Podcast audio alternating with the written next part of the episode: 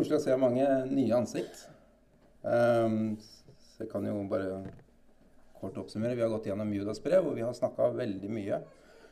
Vi har gått gjennom fem søndager eh, fram til nå, og vi har uh, hatt uh, snakka veldig mye om vranglære. I dag så blir det litt andre, annet fokus, selv om vi fortsatt forholder oss til hovedpoenget med Judas brev, som er uh, vranglære. Jeg fikk ikke noen tilbakemeldinger fra forrige gang om vi skal bruke den teknikken vi har her nå, men jeg skjønte at det kanskje litt større skrift har vært tingen i forhold til sist gang. Så vi, det er en prosjektor som jeg lurer på om vi skal investere i. Men hvis ikke jeg får noen sånn negative tilbakemeldinger i løpet av den dagen her, sånn, så blir den bibelkirken sin. Men uh, vær frimodig og si ifra hvis det her ikke funker i det hele tatt. Jeg ser det i hvert fall herfra. Går det an, da? Jeg tror det lyset er skrudd av, det som er her sånn. Igjen da, så er det en fin oppfordring om å sette seg nærmere. Det står i 1. Korinterbrev, kapittel 4, vers 6, at vi skal ikke gå utover det som er skrevet. Og det, Vi har også sett i Judas brev at troen har blitt gitt oss én gang for alle. Så også i 2. Tessalonikerbrev Hold fast på de overleveringer dere har blitt undervist i. Så Flere steder i Bibelen så bekrefter Skriften selv seg selv som den autoritet eh, vi har for å finne sannheten. Ikke en annen kjødelig persons eh, syner, drømmer, lyster og følelser som har blitt til åpenbaringer. Det er den enkle måten å se en potensiell vranglære på. Dette er den sjette og siste delen av Judas brev. Som nevnt så blir det ikke like mye om vranglære som det det har vært fram til nå.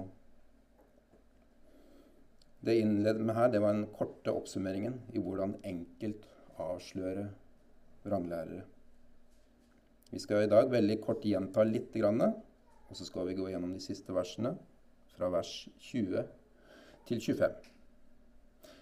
Hvis vi oppsummerer det vi har vært igjennom nå på litt lang avstand og ser på det som eh, store overskrifter, eh, så har vi gått gjennom de første versene, hvor eh, var hilsenen, som var en veldig oppmuntrende introduksjon. Og deretter har vi fra vers 3 til vers 19, altså 17 vers, gått gjennom advarsler, formaninger, beskrivelser om vranglære om deres vranglærere og deres dom. Ingen vranglære har blitt identifisert, og ingen vrang lære har blitt forklart i Judas brev. Så det hele har vært en ganske generell beskrivelse av vranglæren og dens lærere. Jeg tror ikke at det vi har vært igjennom her, har vært en fullverdig beskrivelse. For dette brevet var skrevet til en bestemt mottakergruppe, altså de opprinnelige tilhørerne. Eh, disse hadde blitt utsatt for den typen vranglære som er beskrevet her. For det har blitt skrevet formaninger mot andre typer vranglære andre steder i Bibelen. Bare så du er bevisst på at dette er ikke en endelig liste. Dette er ikke den eneste beskrivelsen. Men vær allikevel klar over at denne beskrivelsen vi finner her, er like dags, dagsaktuell som den var den gangen. Vi har dem hos oss i dag også. Vranglærere vil komme og gå, og deres lære vil variere. De har vært her, og de kommer til å forbli her fram til den siste dag. Men vi trenger heldigvis ikke å fokusere på disse. Vi trenger ikke å være oppdatert på hva de lærer til enhver tid. Vi fokuserer på Bibelen alene. Dette er den tro som en gang for alle har blitt gitt oss, og som vi skal stride alvorlig for. Det er så enkelt som at du ikke skal gå utover det som er skrevet i Bibelen. Når du blir mer og mer kjent med denne her, og sitter under god bibelsk forkynnelse, så vil du bli utrustet til å stå imot djevelens listige knep. Du vil bli satt i stand til å skjelne, til å dømme mellom rett og galt, og til å avvise vranglære. Hvis du da etter hvert oppdager en vranglære, Om du f.eks. har fått låne en bok av en kristen broder, la oss si at denne boka heter The Shack, eller Skuret på norsk, og din broder sterkt anbefaler denne, og du mest sannsynligvis der finner alvorlig vranglære, så er det din broderkjærlige plikt til å gjøre dine søsken oppmerksom på denne vranglæren og advare mot denne boken. Til tross for at du vil tråkke mange på tærne fordi de har så veldig mange følelsesmessige opplevelser til nettopp denne boka. Hvis Bob, eller en av våre andre teologer som vi har iblant oss, eller jeg, hadde anbefalt deg en bok som inneholder alvorlig vranglære, da er det din plikt å advare oss. Hvis du ser noe som vi ikke ser, så må du si ifra. Ikke ta det for gitt at disse som har studert så mye, burde vite det. Eller stole på at de finner ut selv etter en tid.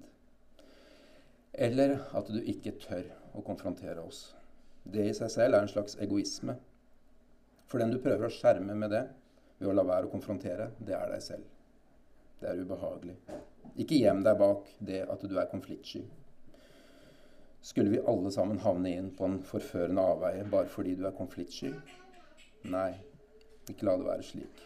Vær frimodig. Husk at Gud har satt oss sammen på én kropp. Vi trenger hverandre i tjeneste for Guds rikes fremgang, men også i vår forståelse av Guds ord. Ingen av oss som sitter her, har den fulle åpenbaring og forståelse av Skriftene. Vi trenger hverandre til dette her. Vi ser stykkevis, og vi forstår stykkevis. Når vi så kommer sammen på bibelstudiet eller på gudstjenesten, eller når vi prater sammen i hjemmene, da blir vi gitt et større bilde på det fulle. Og det kan være slike tilfeller som gir de største omveltninger. Slik som den gangen for noen år siden, før vi forsto den reformerte lære, at Vivian satt hjemme og leste i Bibelen.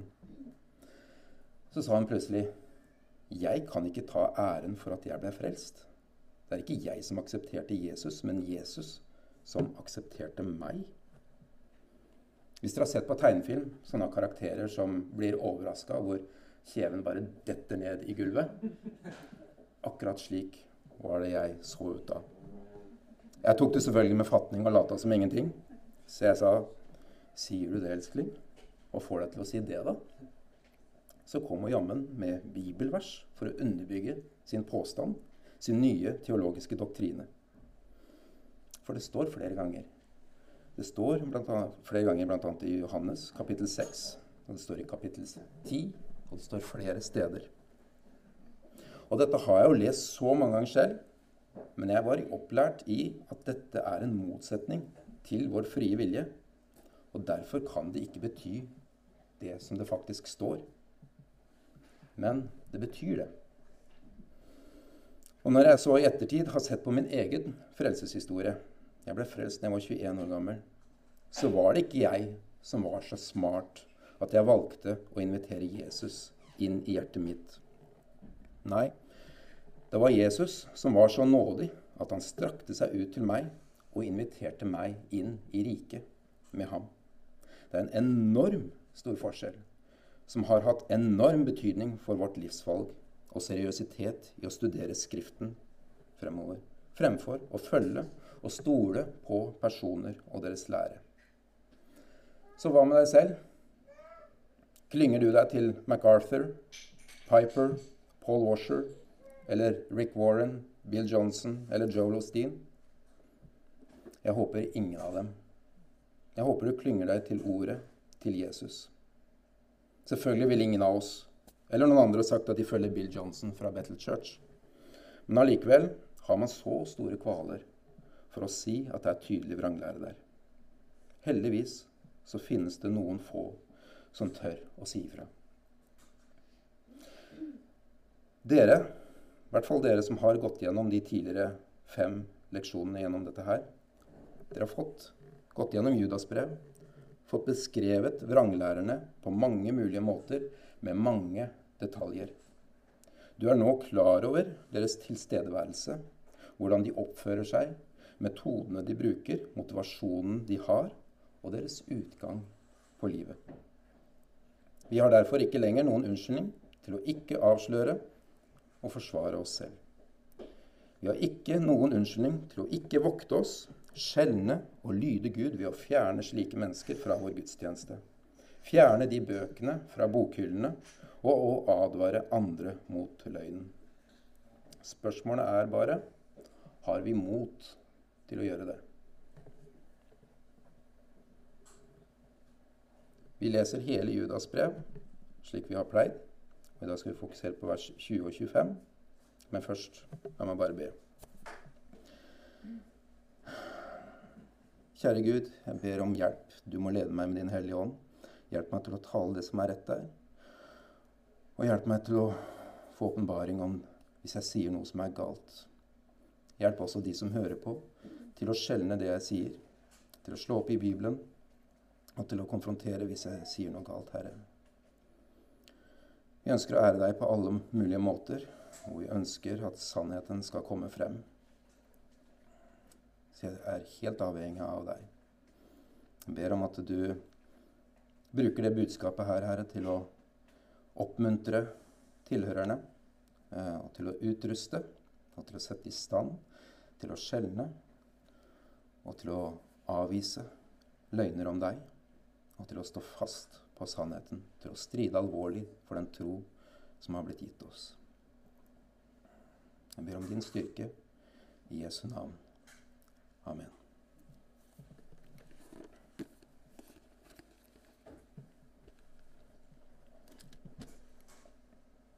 Det står Judas, Jesu Kristi tjener og Jakobs bror, til dem som er kalt, helget av Gud Fader og bevart i Jesus Kristus. Må miskunn og fred og kjærlighet bli dere rikelig til del. Dere kjære, samtidig med at jeg var meget opptatt med å skrive til dere om vår felles frelse, fant jeg det nødvendig å skrive til dere for å formane dere til å stride alvorlig for den tro som en gang for alle ble overgitt til de hellige. For noen mennesker har sneket seg ubemerket inn, slike som for lenge siden ble oppskrevet til denne dommen. De er ugudelige som forvender Guds nåde til løsaktighet og fornekter den eneste Herre Gud og vår Herre Jesus Kristus. Men selv om dere en gang har fått vite om dette, vil jeg minne dere om at da Herren hadde frelst folket ut av landet Egypt, utslettet han etterpå dem som ikke trodde.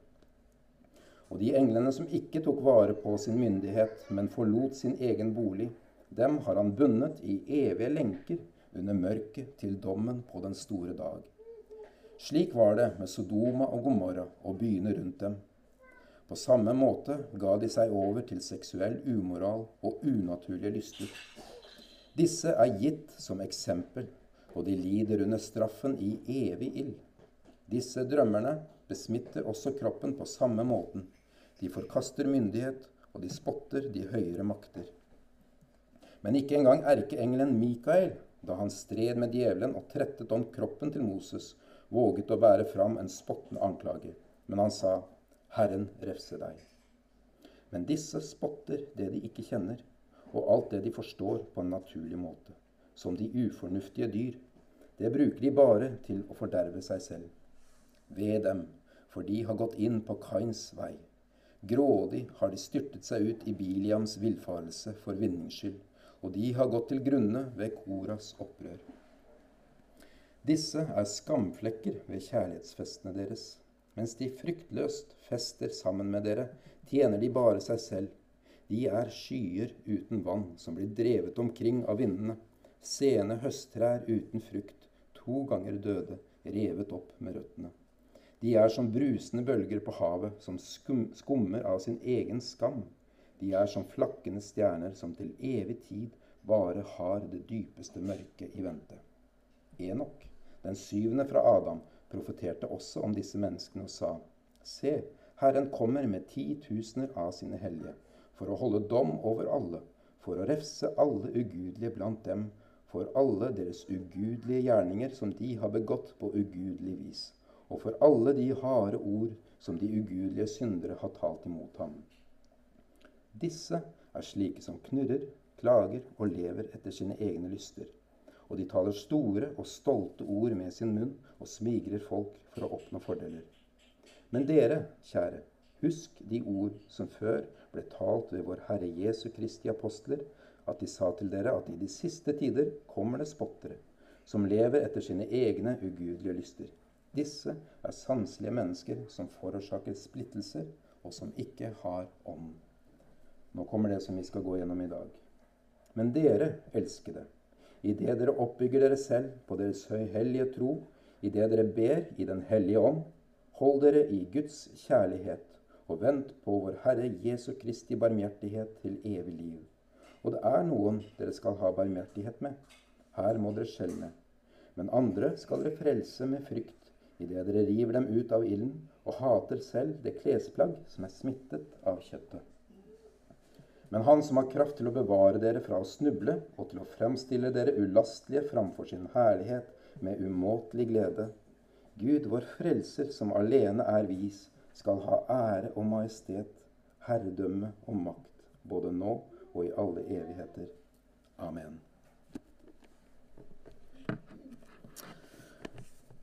Det meste av Judas brev har handlet om ranglærere. Men vi skal i dag, nå mot slutten, se på et avsnitt med formaninger til de troende. Formaninger er ikke nødvendigvis et negativt ord. Det kan også være en ment oppmuntring. Altså hvordan vår respons til dette i denne verden vi lever i, bør være. I møte med vranglærere, hvordan din respons burde være, bl.a. til deg selv, før vi til slutt skal se helt kort på en høystemt lovprisning til Gud. Vi begynner med vers 20 i Judas brev. Men dere elskede. Igjen så antydes det en nær relasjon mellom Judas og tilhørerne, slik som i vers 3, hvor han adresserer dem som dere kjære. Det står videre. Idet dere oppbygger dere selv på deres høyhellige tro, idet dere ber i Den hellige ånd, hold dere i Guds kjærlighet og vent på vår Herre Jesu Kristi barmhjertighet til evig liv. Idet du oppbygger deg selv. Du skal ivareta deg selv og din egen tro. Om du er kvinne og gift, så er det ektemannen. Eller om du er et barn, så er det den voksne som har hovedansvaret for det åndelige livet. At det er aktivt. Men du har uansett et ansvar for deg selv, for å bevare din tro. Du har et ansvar for ditt eget åndelige liv. Du har selv et ansvar for å vokse. Og det ansvaret må du ta for å ikke bli forført. Jesus sa selv, 'Vokt dere, så ingen får forføre dere'. Det er kun ved å modnes og vokse i troen at du vil være i stand til å konfrontere og stride alvorlig for troen og til å nå ut til og advare de som er under innflytelse av vrang, vranglæren. Om du velger å ikke vokse, om du velger å låse deg inn i kjelleren og ikke vil utvikle deg, og ikke vil modnes i troen For det første så vil jeg nok stille spørsmålstegn ved din frelse. Men om du allikevel har blitt frelst ved troen, så mister du ikke frelsen av den grunn. Men du vil ikke vokse men om du ikke vil vokse eller vil begrense din vekst, så er du et mye lettere bytte for Satan og hans forfølelse. Den høyhellige tro som vi leser her, er den kristne troen som har blitt mottatt gjennom Jesu Kristi apostler. Den er høyhellig fordi den er ulik alt annet, for ved å studere den og dens budskap vil gi en moralsk forvandling i ditt liv. Du vil modnes. Det er ikke noe nødvendigvis du tar deg sammen for å gjøre, selv om det er det også. Men ordet i seg selv er mektig nok til å forvandle deg. Gud er den som forvandler deg og gir deg den styrken du trenger i en slik prosess. Men her i dette verset så står det plutselig en antydning om at vi oppbygger oss selv på vår høyhellige tro. Så er det da en motsetning mot at det er Gud som gjør det. At det er Gud som er pådriveren både til vår frelse og vår modning. Men så skal de gjøre det selv? Nei, det er ikke en motsetning. Den frelsende troen, den som frelste deg, den er konstant. Den progressive troen, altså den du modnes på, den du vokser i, den er utviklende. Og den kan vokse, og den bør vokse. Men den frelsende troen, den som reddet deg fra Guds rettmessige vrede, den kan du ikke få mer av. Du kan ikke bli mer frelst enn det du er. Du er ikke litt frelst, eller delvis frelst, eller mer frelst. Men om du ikke er frelst, så kan du være på vei til frelse. Men frelsen er et distinktivt veiskille. Derfor tror jeg at dette er en formaning til oss om å oppbygge oss selv på vår høyhellige tro. Og hvordan gjør vi det? Vel, slik som det står i teksten vår, så er det å be i Den hellige ånd. Ordet og bønnen hører sammen, og det står i Romerne kapittel 10 at troen kommer av forkynnelsen av Guds ord. Kampen mot vranglærerne vinnes ikke ved å argumentere alene. Vi må også be. Og oppbyggelsen av vår tro kommer ikke bare av å be. Vi må også lese. Det står videre Idet dere oppbygger dere selv, hold dere i Guds kjærlighet. Vi skal altså holde oss i Guds kjærlighet. Igjen så kan det se ut som det er noe vi skal gjøre for å ikke miste Guds kjærlighet, og dermed også kanskje frelsen, slik noen tror. Jeg ga et bilde på det tidligere som jeg vil gjenta og utdype litt mer. Mine barn vil alltid være elsket av meg. Jeg har to fantastiske, nydelige barn. Uansett hva de gjør av livsvalg eller dumme ting, så vil de beholde min kjærlighet. Ene og alene fordi de er mine barn. Men ikke få noen ideer, Miriam. Og de vil alltid forbli mine arvinger. De vil alltid forbli mine barn, og jeg vil alltid forbli deres pappa. Uansett hva de gjør, eller hvor de er, så vil de beholde min kjærlighet. Men de vil kunne høste mer frukt av min kjærlighet ved å holde seg til den, ved å holde seg til meg. Om en av de flytter til Østen for å bli buddhist, så blir det vanskelig å bare stikke innom og forsyne seg av mat i kjøleskapet vårt når det er litt trangt og man er sulten. Altså, de trenger ikke å leise så langt engang. Det holder med å flytte til Stryn. Da kan jeg ikke så ofte gi klemmer og trøste som det jeg kan nå. Og jeg kan ikke like lett hjelpe til på praktiske måter. Om en av dem blir boende i nærheten, men tragisk nok velger å begynne med narkotika, og stadig er på jakt etter penger, så vil det ikke være like naturlig å bare låne ut 5000 kroner når behovet er der. Disse veivalgene er dumme. Men det vil ikke affektere min kjærlighet til dem. De er fortsatt mine barn. Jeg har sagt til dem at de må flytte ut når de blir 18, for da vil jeg ha mammaen deres for meg selv. Så mine barn er de eneste som gruer seg til å bli myndige. Men det også er i kjærlighet for å skape selvstendige mennesker. Men om de blir i min kjærlighet, selv etter å ha flyttet ut, så vil de få hver sin nøkkel til vårt hjem, og de vil alltid være velkomne, låse seg inn og åpne kjøleskapet og føle seg som hjemme. Og de vil vite at de har visse privilegier som ingen av dere andre har i mitt hjem. Så hva er det da å bli min kjærlighet? Det er bl.a. å følge mine bud. Og mine bud er ikke vanskelige. Slå av lyset etter deg. Dra ned på toalettet. Lukk utgangsdøra, spesielt på vinterstid. Respekter din mamma, min kone. Si takk for maten, rydd opp etter deg, vær høflig, osv., osv. Slike enkle ting av normal, god oppførsel og lydighet, som er det motsatte av opprør. Min kjærlighet er ikke betinget til den lydigheten, men konsekvensen av opprør er ufravikelig. Du er elsket av Gud, men du må holde deg innenfor Guds kjærlighetsområde. Så ikke bland noe loviskhet inn i dette her, for dette har ingenting med frelsen å gjøre. Så hold deg i Guds kjærlighet ved å være lydig mot ham og ved å tjene hverandre i kjærlighet. Det står i teksten vår og vent på vår Herre Jesu Kristi barmhjertighet til evig tid. Slik det står i 1. Tesalonikerbrev, kapittel 5, vers 8-11. Men la oss som hører dagen til, være edrue og ta på oss troens og kjærlighetens brynje og sette på oss håpet om frelse som hjelm. For Gud bestemte oss ikke til vrede, men til å vinne frelse ved vår Herre Jesu Kristus. Han som døde for oss, så vi skulle leve sammen med ham, enten vi våker eller sover. Derfor, trøst hverandre og oppbygg hverandre slik dere også gjør.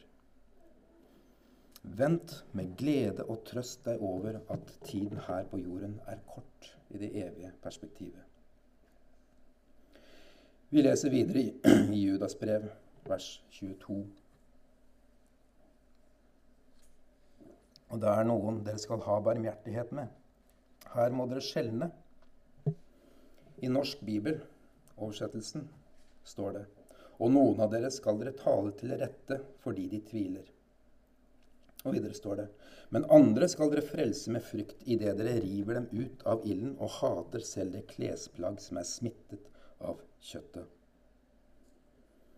At vi skal skjelne mellom hvem vi skal ha barmhjertighet med, eller med hvem vi skal rive ut av ilden, kan antyde at vi bør tilpasse oss hvert enkelt tilfelle. Noen er sarte sjeler, mens andre tåler mer. Eller har behov for at det er litt mer trøkk når man blir formant. Noen er nyfrelste, trenger masse nåde. Andre har vært frelst i mange år, hvor man skal kunne forvente mer modenhet. Da kan vi tale tydelig av frykt, og frykt kan være på sin plass. Men slik vi ser det i den norske bibeloversettelsen Noen skal dere tale til rette fordi de tviler. Da er det tydelig at de trenger vår omsorg og hjelp. De trenger ikke at vi avskjærer dem fra samfunnet, eller at vi kaller dem for vranglærere. Vi er mennesker. Vi kan bli forført, og vi kan komme i tvil. Så vær barmhjertige mot hverandre. Vis kjærlighet og omsorg. Så forskjellige mennesker skal behandles på forskjellige måter, og da er det greit å skjelne. Men det finnes utfordringer som krever et betydelig strengere tiltale. Et eksempel på det er forelskelsesfølelsen eller følelser i det hele tatt. Om du er min kristne bror og blir dypt forelsket i verdens vakreste og snilleste kvinne. Eneste problemet hun er ikke en troende. Allikevel så forteller følelsene dine deg at dette er den rette, og dette er riktig. Kanskje de i tillegg legger seg slik til rette, og kanskje dørene åpnes til at det mest praktiske er å flytte inn sammen. Da kan det være fristende å overbevise deg selv om at dette må jo bare være Gud. En slik sterk følelse er veldig vanskelig for oss andre å formane. Det er en vanskelig oppgave å redde et menneske ut av slike omgivelser. Så her er det på sin plass å være klar og tydelig. Da river vi dem ut av ilden og hater den synden de er en del av. Hat det, og ikke la deg besmitte av den samme synden. Pass deg for å tro at du er sterk nok til å bli stående. Pass deg slik at du ikke faller. Ikke at du blir fristet til å innlede et samboerskap, men alt som har med begjær og sensualitet, vil fort kunne dra oss mot det som er smittet. Spesielt pornografi. Om du formaner din bror pga. noe slikt, så vær veldig forsiktig. Det finnes få ting som er mer destruktivt for ditt trosliv enn dette. Hatet som et besmittet klesplagg. Jeg prøvde å vende det om til et daglig tale. Forakte som en gammel, muggen, råtten, fordervet hamburger. Hold deg ren. Det står at andre skal dere frelse med frykt. Det er ikke det samme som den frelsen som er av tro, for du kan ikke frelse noen, selv ikke med frykt. Men du kan redde et menneske med frykt fra et liv i forførelse og mørke. Legg ikke skjul på konsekvensene av et liv i forførelse. Tal med store ord, og gjør det med en nød i stemmen og en lengsel etter å se denne personen omvende seg. I vers 24 står det Men Han som har kraft til å bevare dere fra å snuble, og til å fremstille dere ulastelige framfor sin herlighet med umåtelig glede. Gud er den som bevarer oss i vår frelse, og han er mektig til å bevare deg i denne verden, full av vranglærere, forførelser og fristelser. Trøst dere med det, og dette er heldigvis for meg. For om jeg hadde kunnet miste min frelse, så hadde jeg falt av i løpet av få dager. De som sier at vi kan miste frelsen, som mener at vi må bidra selv, de sier om dette verset at ja, han har kraft til det, men det er ikke dermed sagt at han bruker den. Vi har gått dypere gjennom dette tidligere, så vi skal ikke ta det nå. Men jeg vil dermed oppmuntre dere med at Gud bruker denne kraften. Denne kraften til å bevare deg. Han bevarer deg fra å snuble, og dermed fremstiller han deg ulastelig framfor sin herlighet med umåtelig glede. Da tenker du kanskje Men jeg snubler jo. Ja, det gjør du. Men så er du heller ikke ulastelig. Eller er det noen som er her? Nei? Godt er det. Så hva menes med dette? Vel, dette gjelder ovenfor Gud. Om du er en kristen, og Gud ser på deg, så ser han på deg gjennom Jesus. Han ser på deg gjennom det soningsverket som Jesus gjorde på korset. Da Jesus ga sitt liv på korset, så gjorde han det for å tilfredsstille den straffen som du og jeg fortjener. Derfor er du nå rettmessig fri fra den vreden Gud har mot din synd. Så når Gud ser på deg, hvis du er en kristen, så ser han på en som er ulastelig, selv om realiteten ikke er slik for deg mens du vandrer på jorden. Så mens du er her, så kan du ikke snuble og falle vekk fra den frelsen som Gud har gitt deg som en gave av bare nåde. Om du snubler i synd, så vil Jesus aldri støte deg ut, og han vil oppreise deg på den siste dag. Slik det står i Johannes kapittel 6, vers 39-40. Og dette er Faderens vilje som sendte meg, at av alt det Han har gitt meg, skal jeg ikke miste noe men jeg skal oppreise det på den siste dag. Og dette er Hans vilje som har sendt meg, at hver den som ser Sønnen og tror på Han, skal ha evig liv, og jeg skal reise ham opp på den siste dag.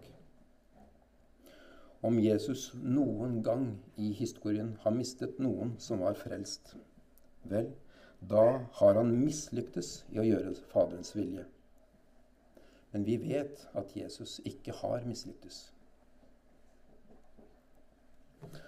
Han skal fremstille dere fremfor sin herlighet med umåtelig glede. Med umåtelig glede vil han fremstille oss framfor sin herlighet i himmelen. Hva er umåtelig glede? Det står fryd i andre oversettelser. Det er en glede som er umålelig. Ikke fordi det ikke finnes et fysisk målemeter. Det gjør det vel heller ikke, men det er ikke derfor. Men fordi det er så enormt at det ikke kan måles. Det er umulig. Altså, det er grenseløst. Den type glede er det Jesus har når vi fremstilles fremfor ham. Jeg gleder meg så utrolig mye til jeg kommer til himmelen. Men etter hva jeg leser her, så virker det som ingenting i forhold til hvilken glede Jesus har. At Jesus gleder seg til å møte meg, det er stort.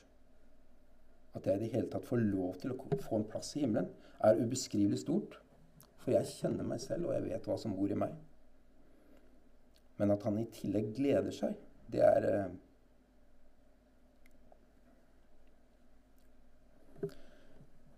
Vi avslutter nå med å se på det siste verset. En fantastisk lovprisning av vår Frelser, som i det store og det hele taler for seg selv. Og her har jeg valgt Norsk Bibel sin oversettelse. Den eneste Gud, vår Frelser, ved Jesus Kristus, vår Herre. Han tilhører herlighet, storhet, styrke og makt, før all tid og nå og i all evighet. Amen. Herlighet her, det er noe strålende lik lyset når det skinner i all sin glans. Storhet, det er kongelig majestet.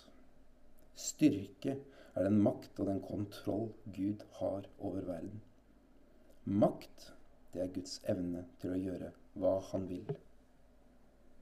Det er store ord, og det er trøstende ord å vite den sannheten at Gud, vår frelser, som vet alt og kjenner alt, har herredømme og makt som en kongelig majestet. Han står overalt med full kontroll til evig tid. Gud skal ha ære og majestet. Uavhengig om vi gir ham ære eller ikke, så har han det allerede. Men vi gir ham ære, og vi gjør det uansett, i alle situasjoner og under alle omstendigheter. Vi vet at vi var syndere, fullstendig ute av kraft til å gjøre noe som helst for å betale eller å bøte på vår skyld. Vi vet at vi hadde det evige helvete i vente og vi visste at vi fortjente det. Så kom Gud, vår frelser, Jesus Kristus, og sonet den dødsdommen vi fortjente, slik at vi kunne få gå fri og få bli en del av Guds familie.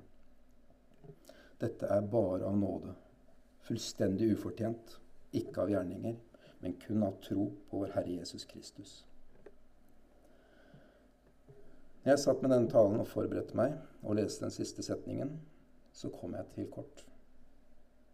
Hva mer kan jeg si om dette? Ordene er sterke og lovprisende, så jeg har ikke mer å si. Gud, vår frelser, som alene er vis, skal ha ære og majestet, herredømme og makt, både nå og i alle evigheter. Amen. La oss be. Kjære Gud. Jeg takker deg for at du er den du er, og at det er så fantastisk stort. Jeg takker deg for at du er allmektig, at du har fullstendig kontroll på alle ting, og at ingenting skjer uventet eller overraskende på deg. Jeg takker deg, Herre, for at vi får lov til å kjenne deg, og at vi kan finne vår trygghet i den stabiliteten som du har. At vi kan vite at uansett hvor kaotisk det virker i livene våre, og uansett hvordan vi har det, eller hva vi føler, eller noe som helst, så kan vi glede oss over den eh, stabiliteten som det er i deg. At vi kan eh, stole på at det du har sagt, det vil du også gjøre. At vi trenger ikke å frykte for noen ting. At om vi er frelst, så kommer vi til himmelen uavhengig av omstendighetene våre, uavhengig av hva vi blir utsatt for, så får vi lov til å komme til himmelen kun av tro på vår Herre Jesus Kristus og det han gjorde. Jeg takker deg, Herre, for at du er god. At vi kan stole på at uansett hva som skjer i livene våre og rundt oss, så vet vi at du er god uansett. Om det er krig, om det er sult eller hva som helst som rokker ved våre vårt liv, så har vi vår tillit til deg.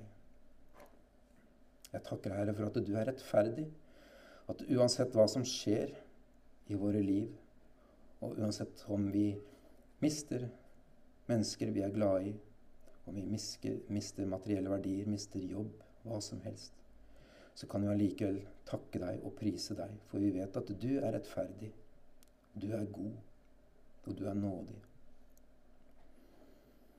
Jeg takker Herre Jesus for at dette livet her på jorden er kort. Jeg takker deg for at vi har en evighet i vente. Og jeg takker deg for at du gleder deg med grenseløs glede og fryd over at vi skal få komme opp. Jeg takker deg for at du elsker oss som er uverdige til å motta den kjærligheten. Jeg takker deg for at alt er av nåde, og for at vi ikke kan gjøre noen ting fra eller til. Jeg ber, Herre Jesus, for alle som har hørt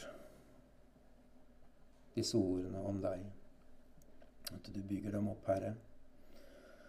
At du utruster dem til å stå i tjeneste for deg, til å tjene hverandre. Jeg ber om det i Jesu navn. Amen.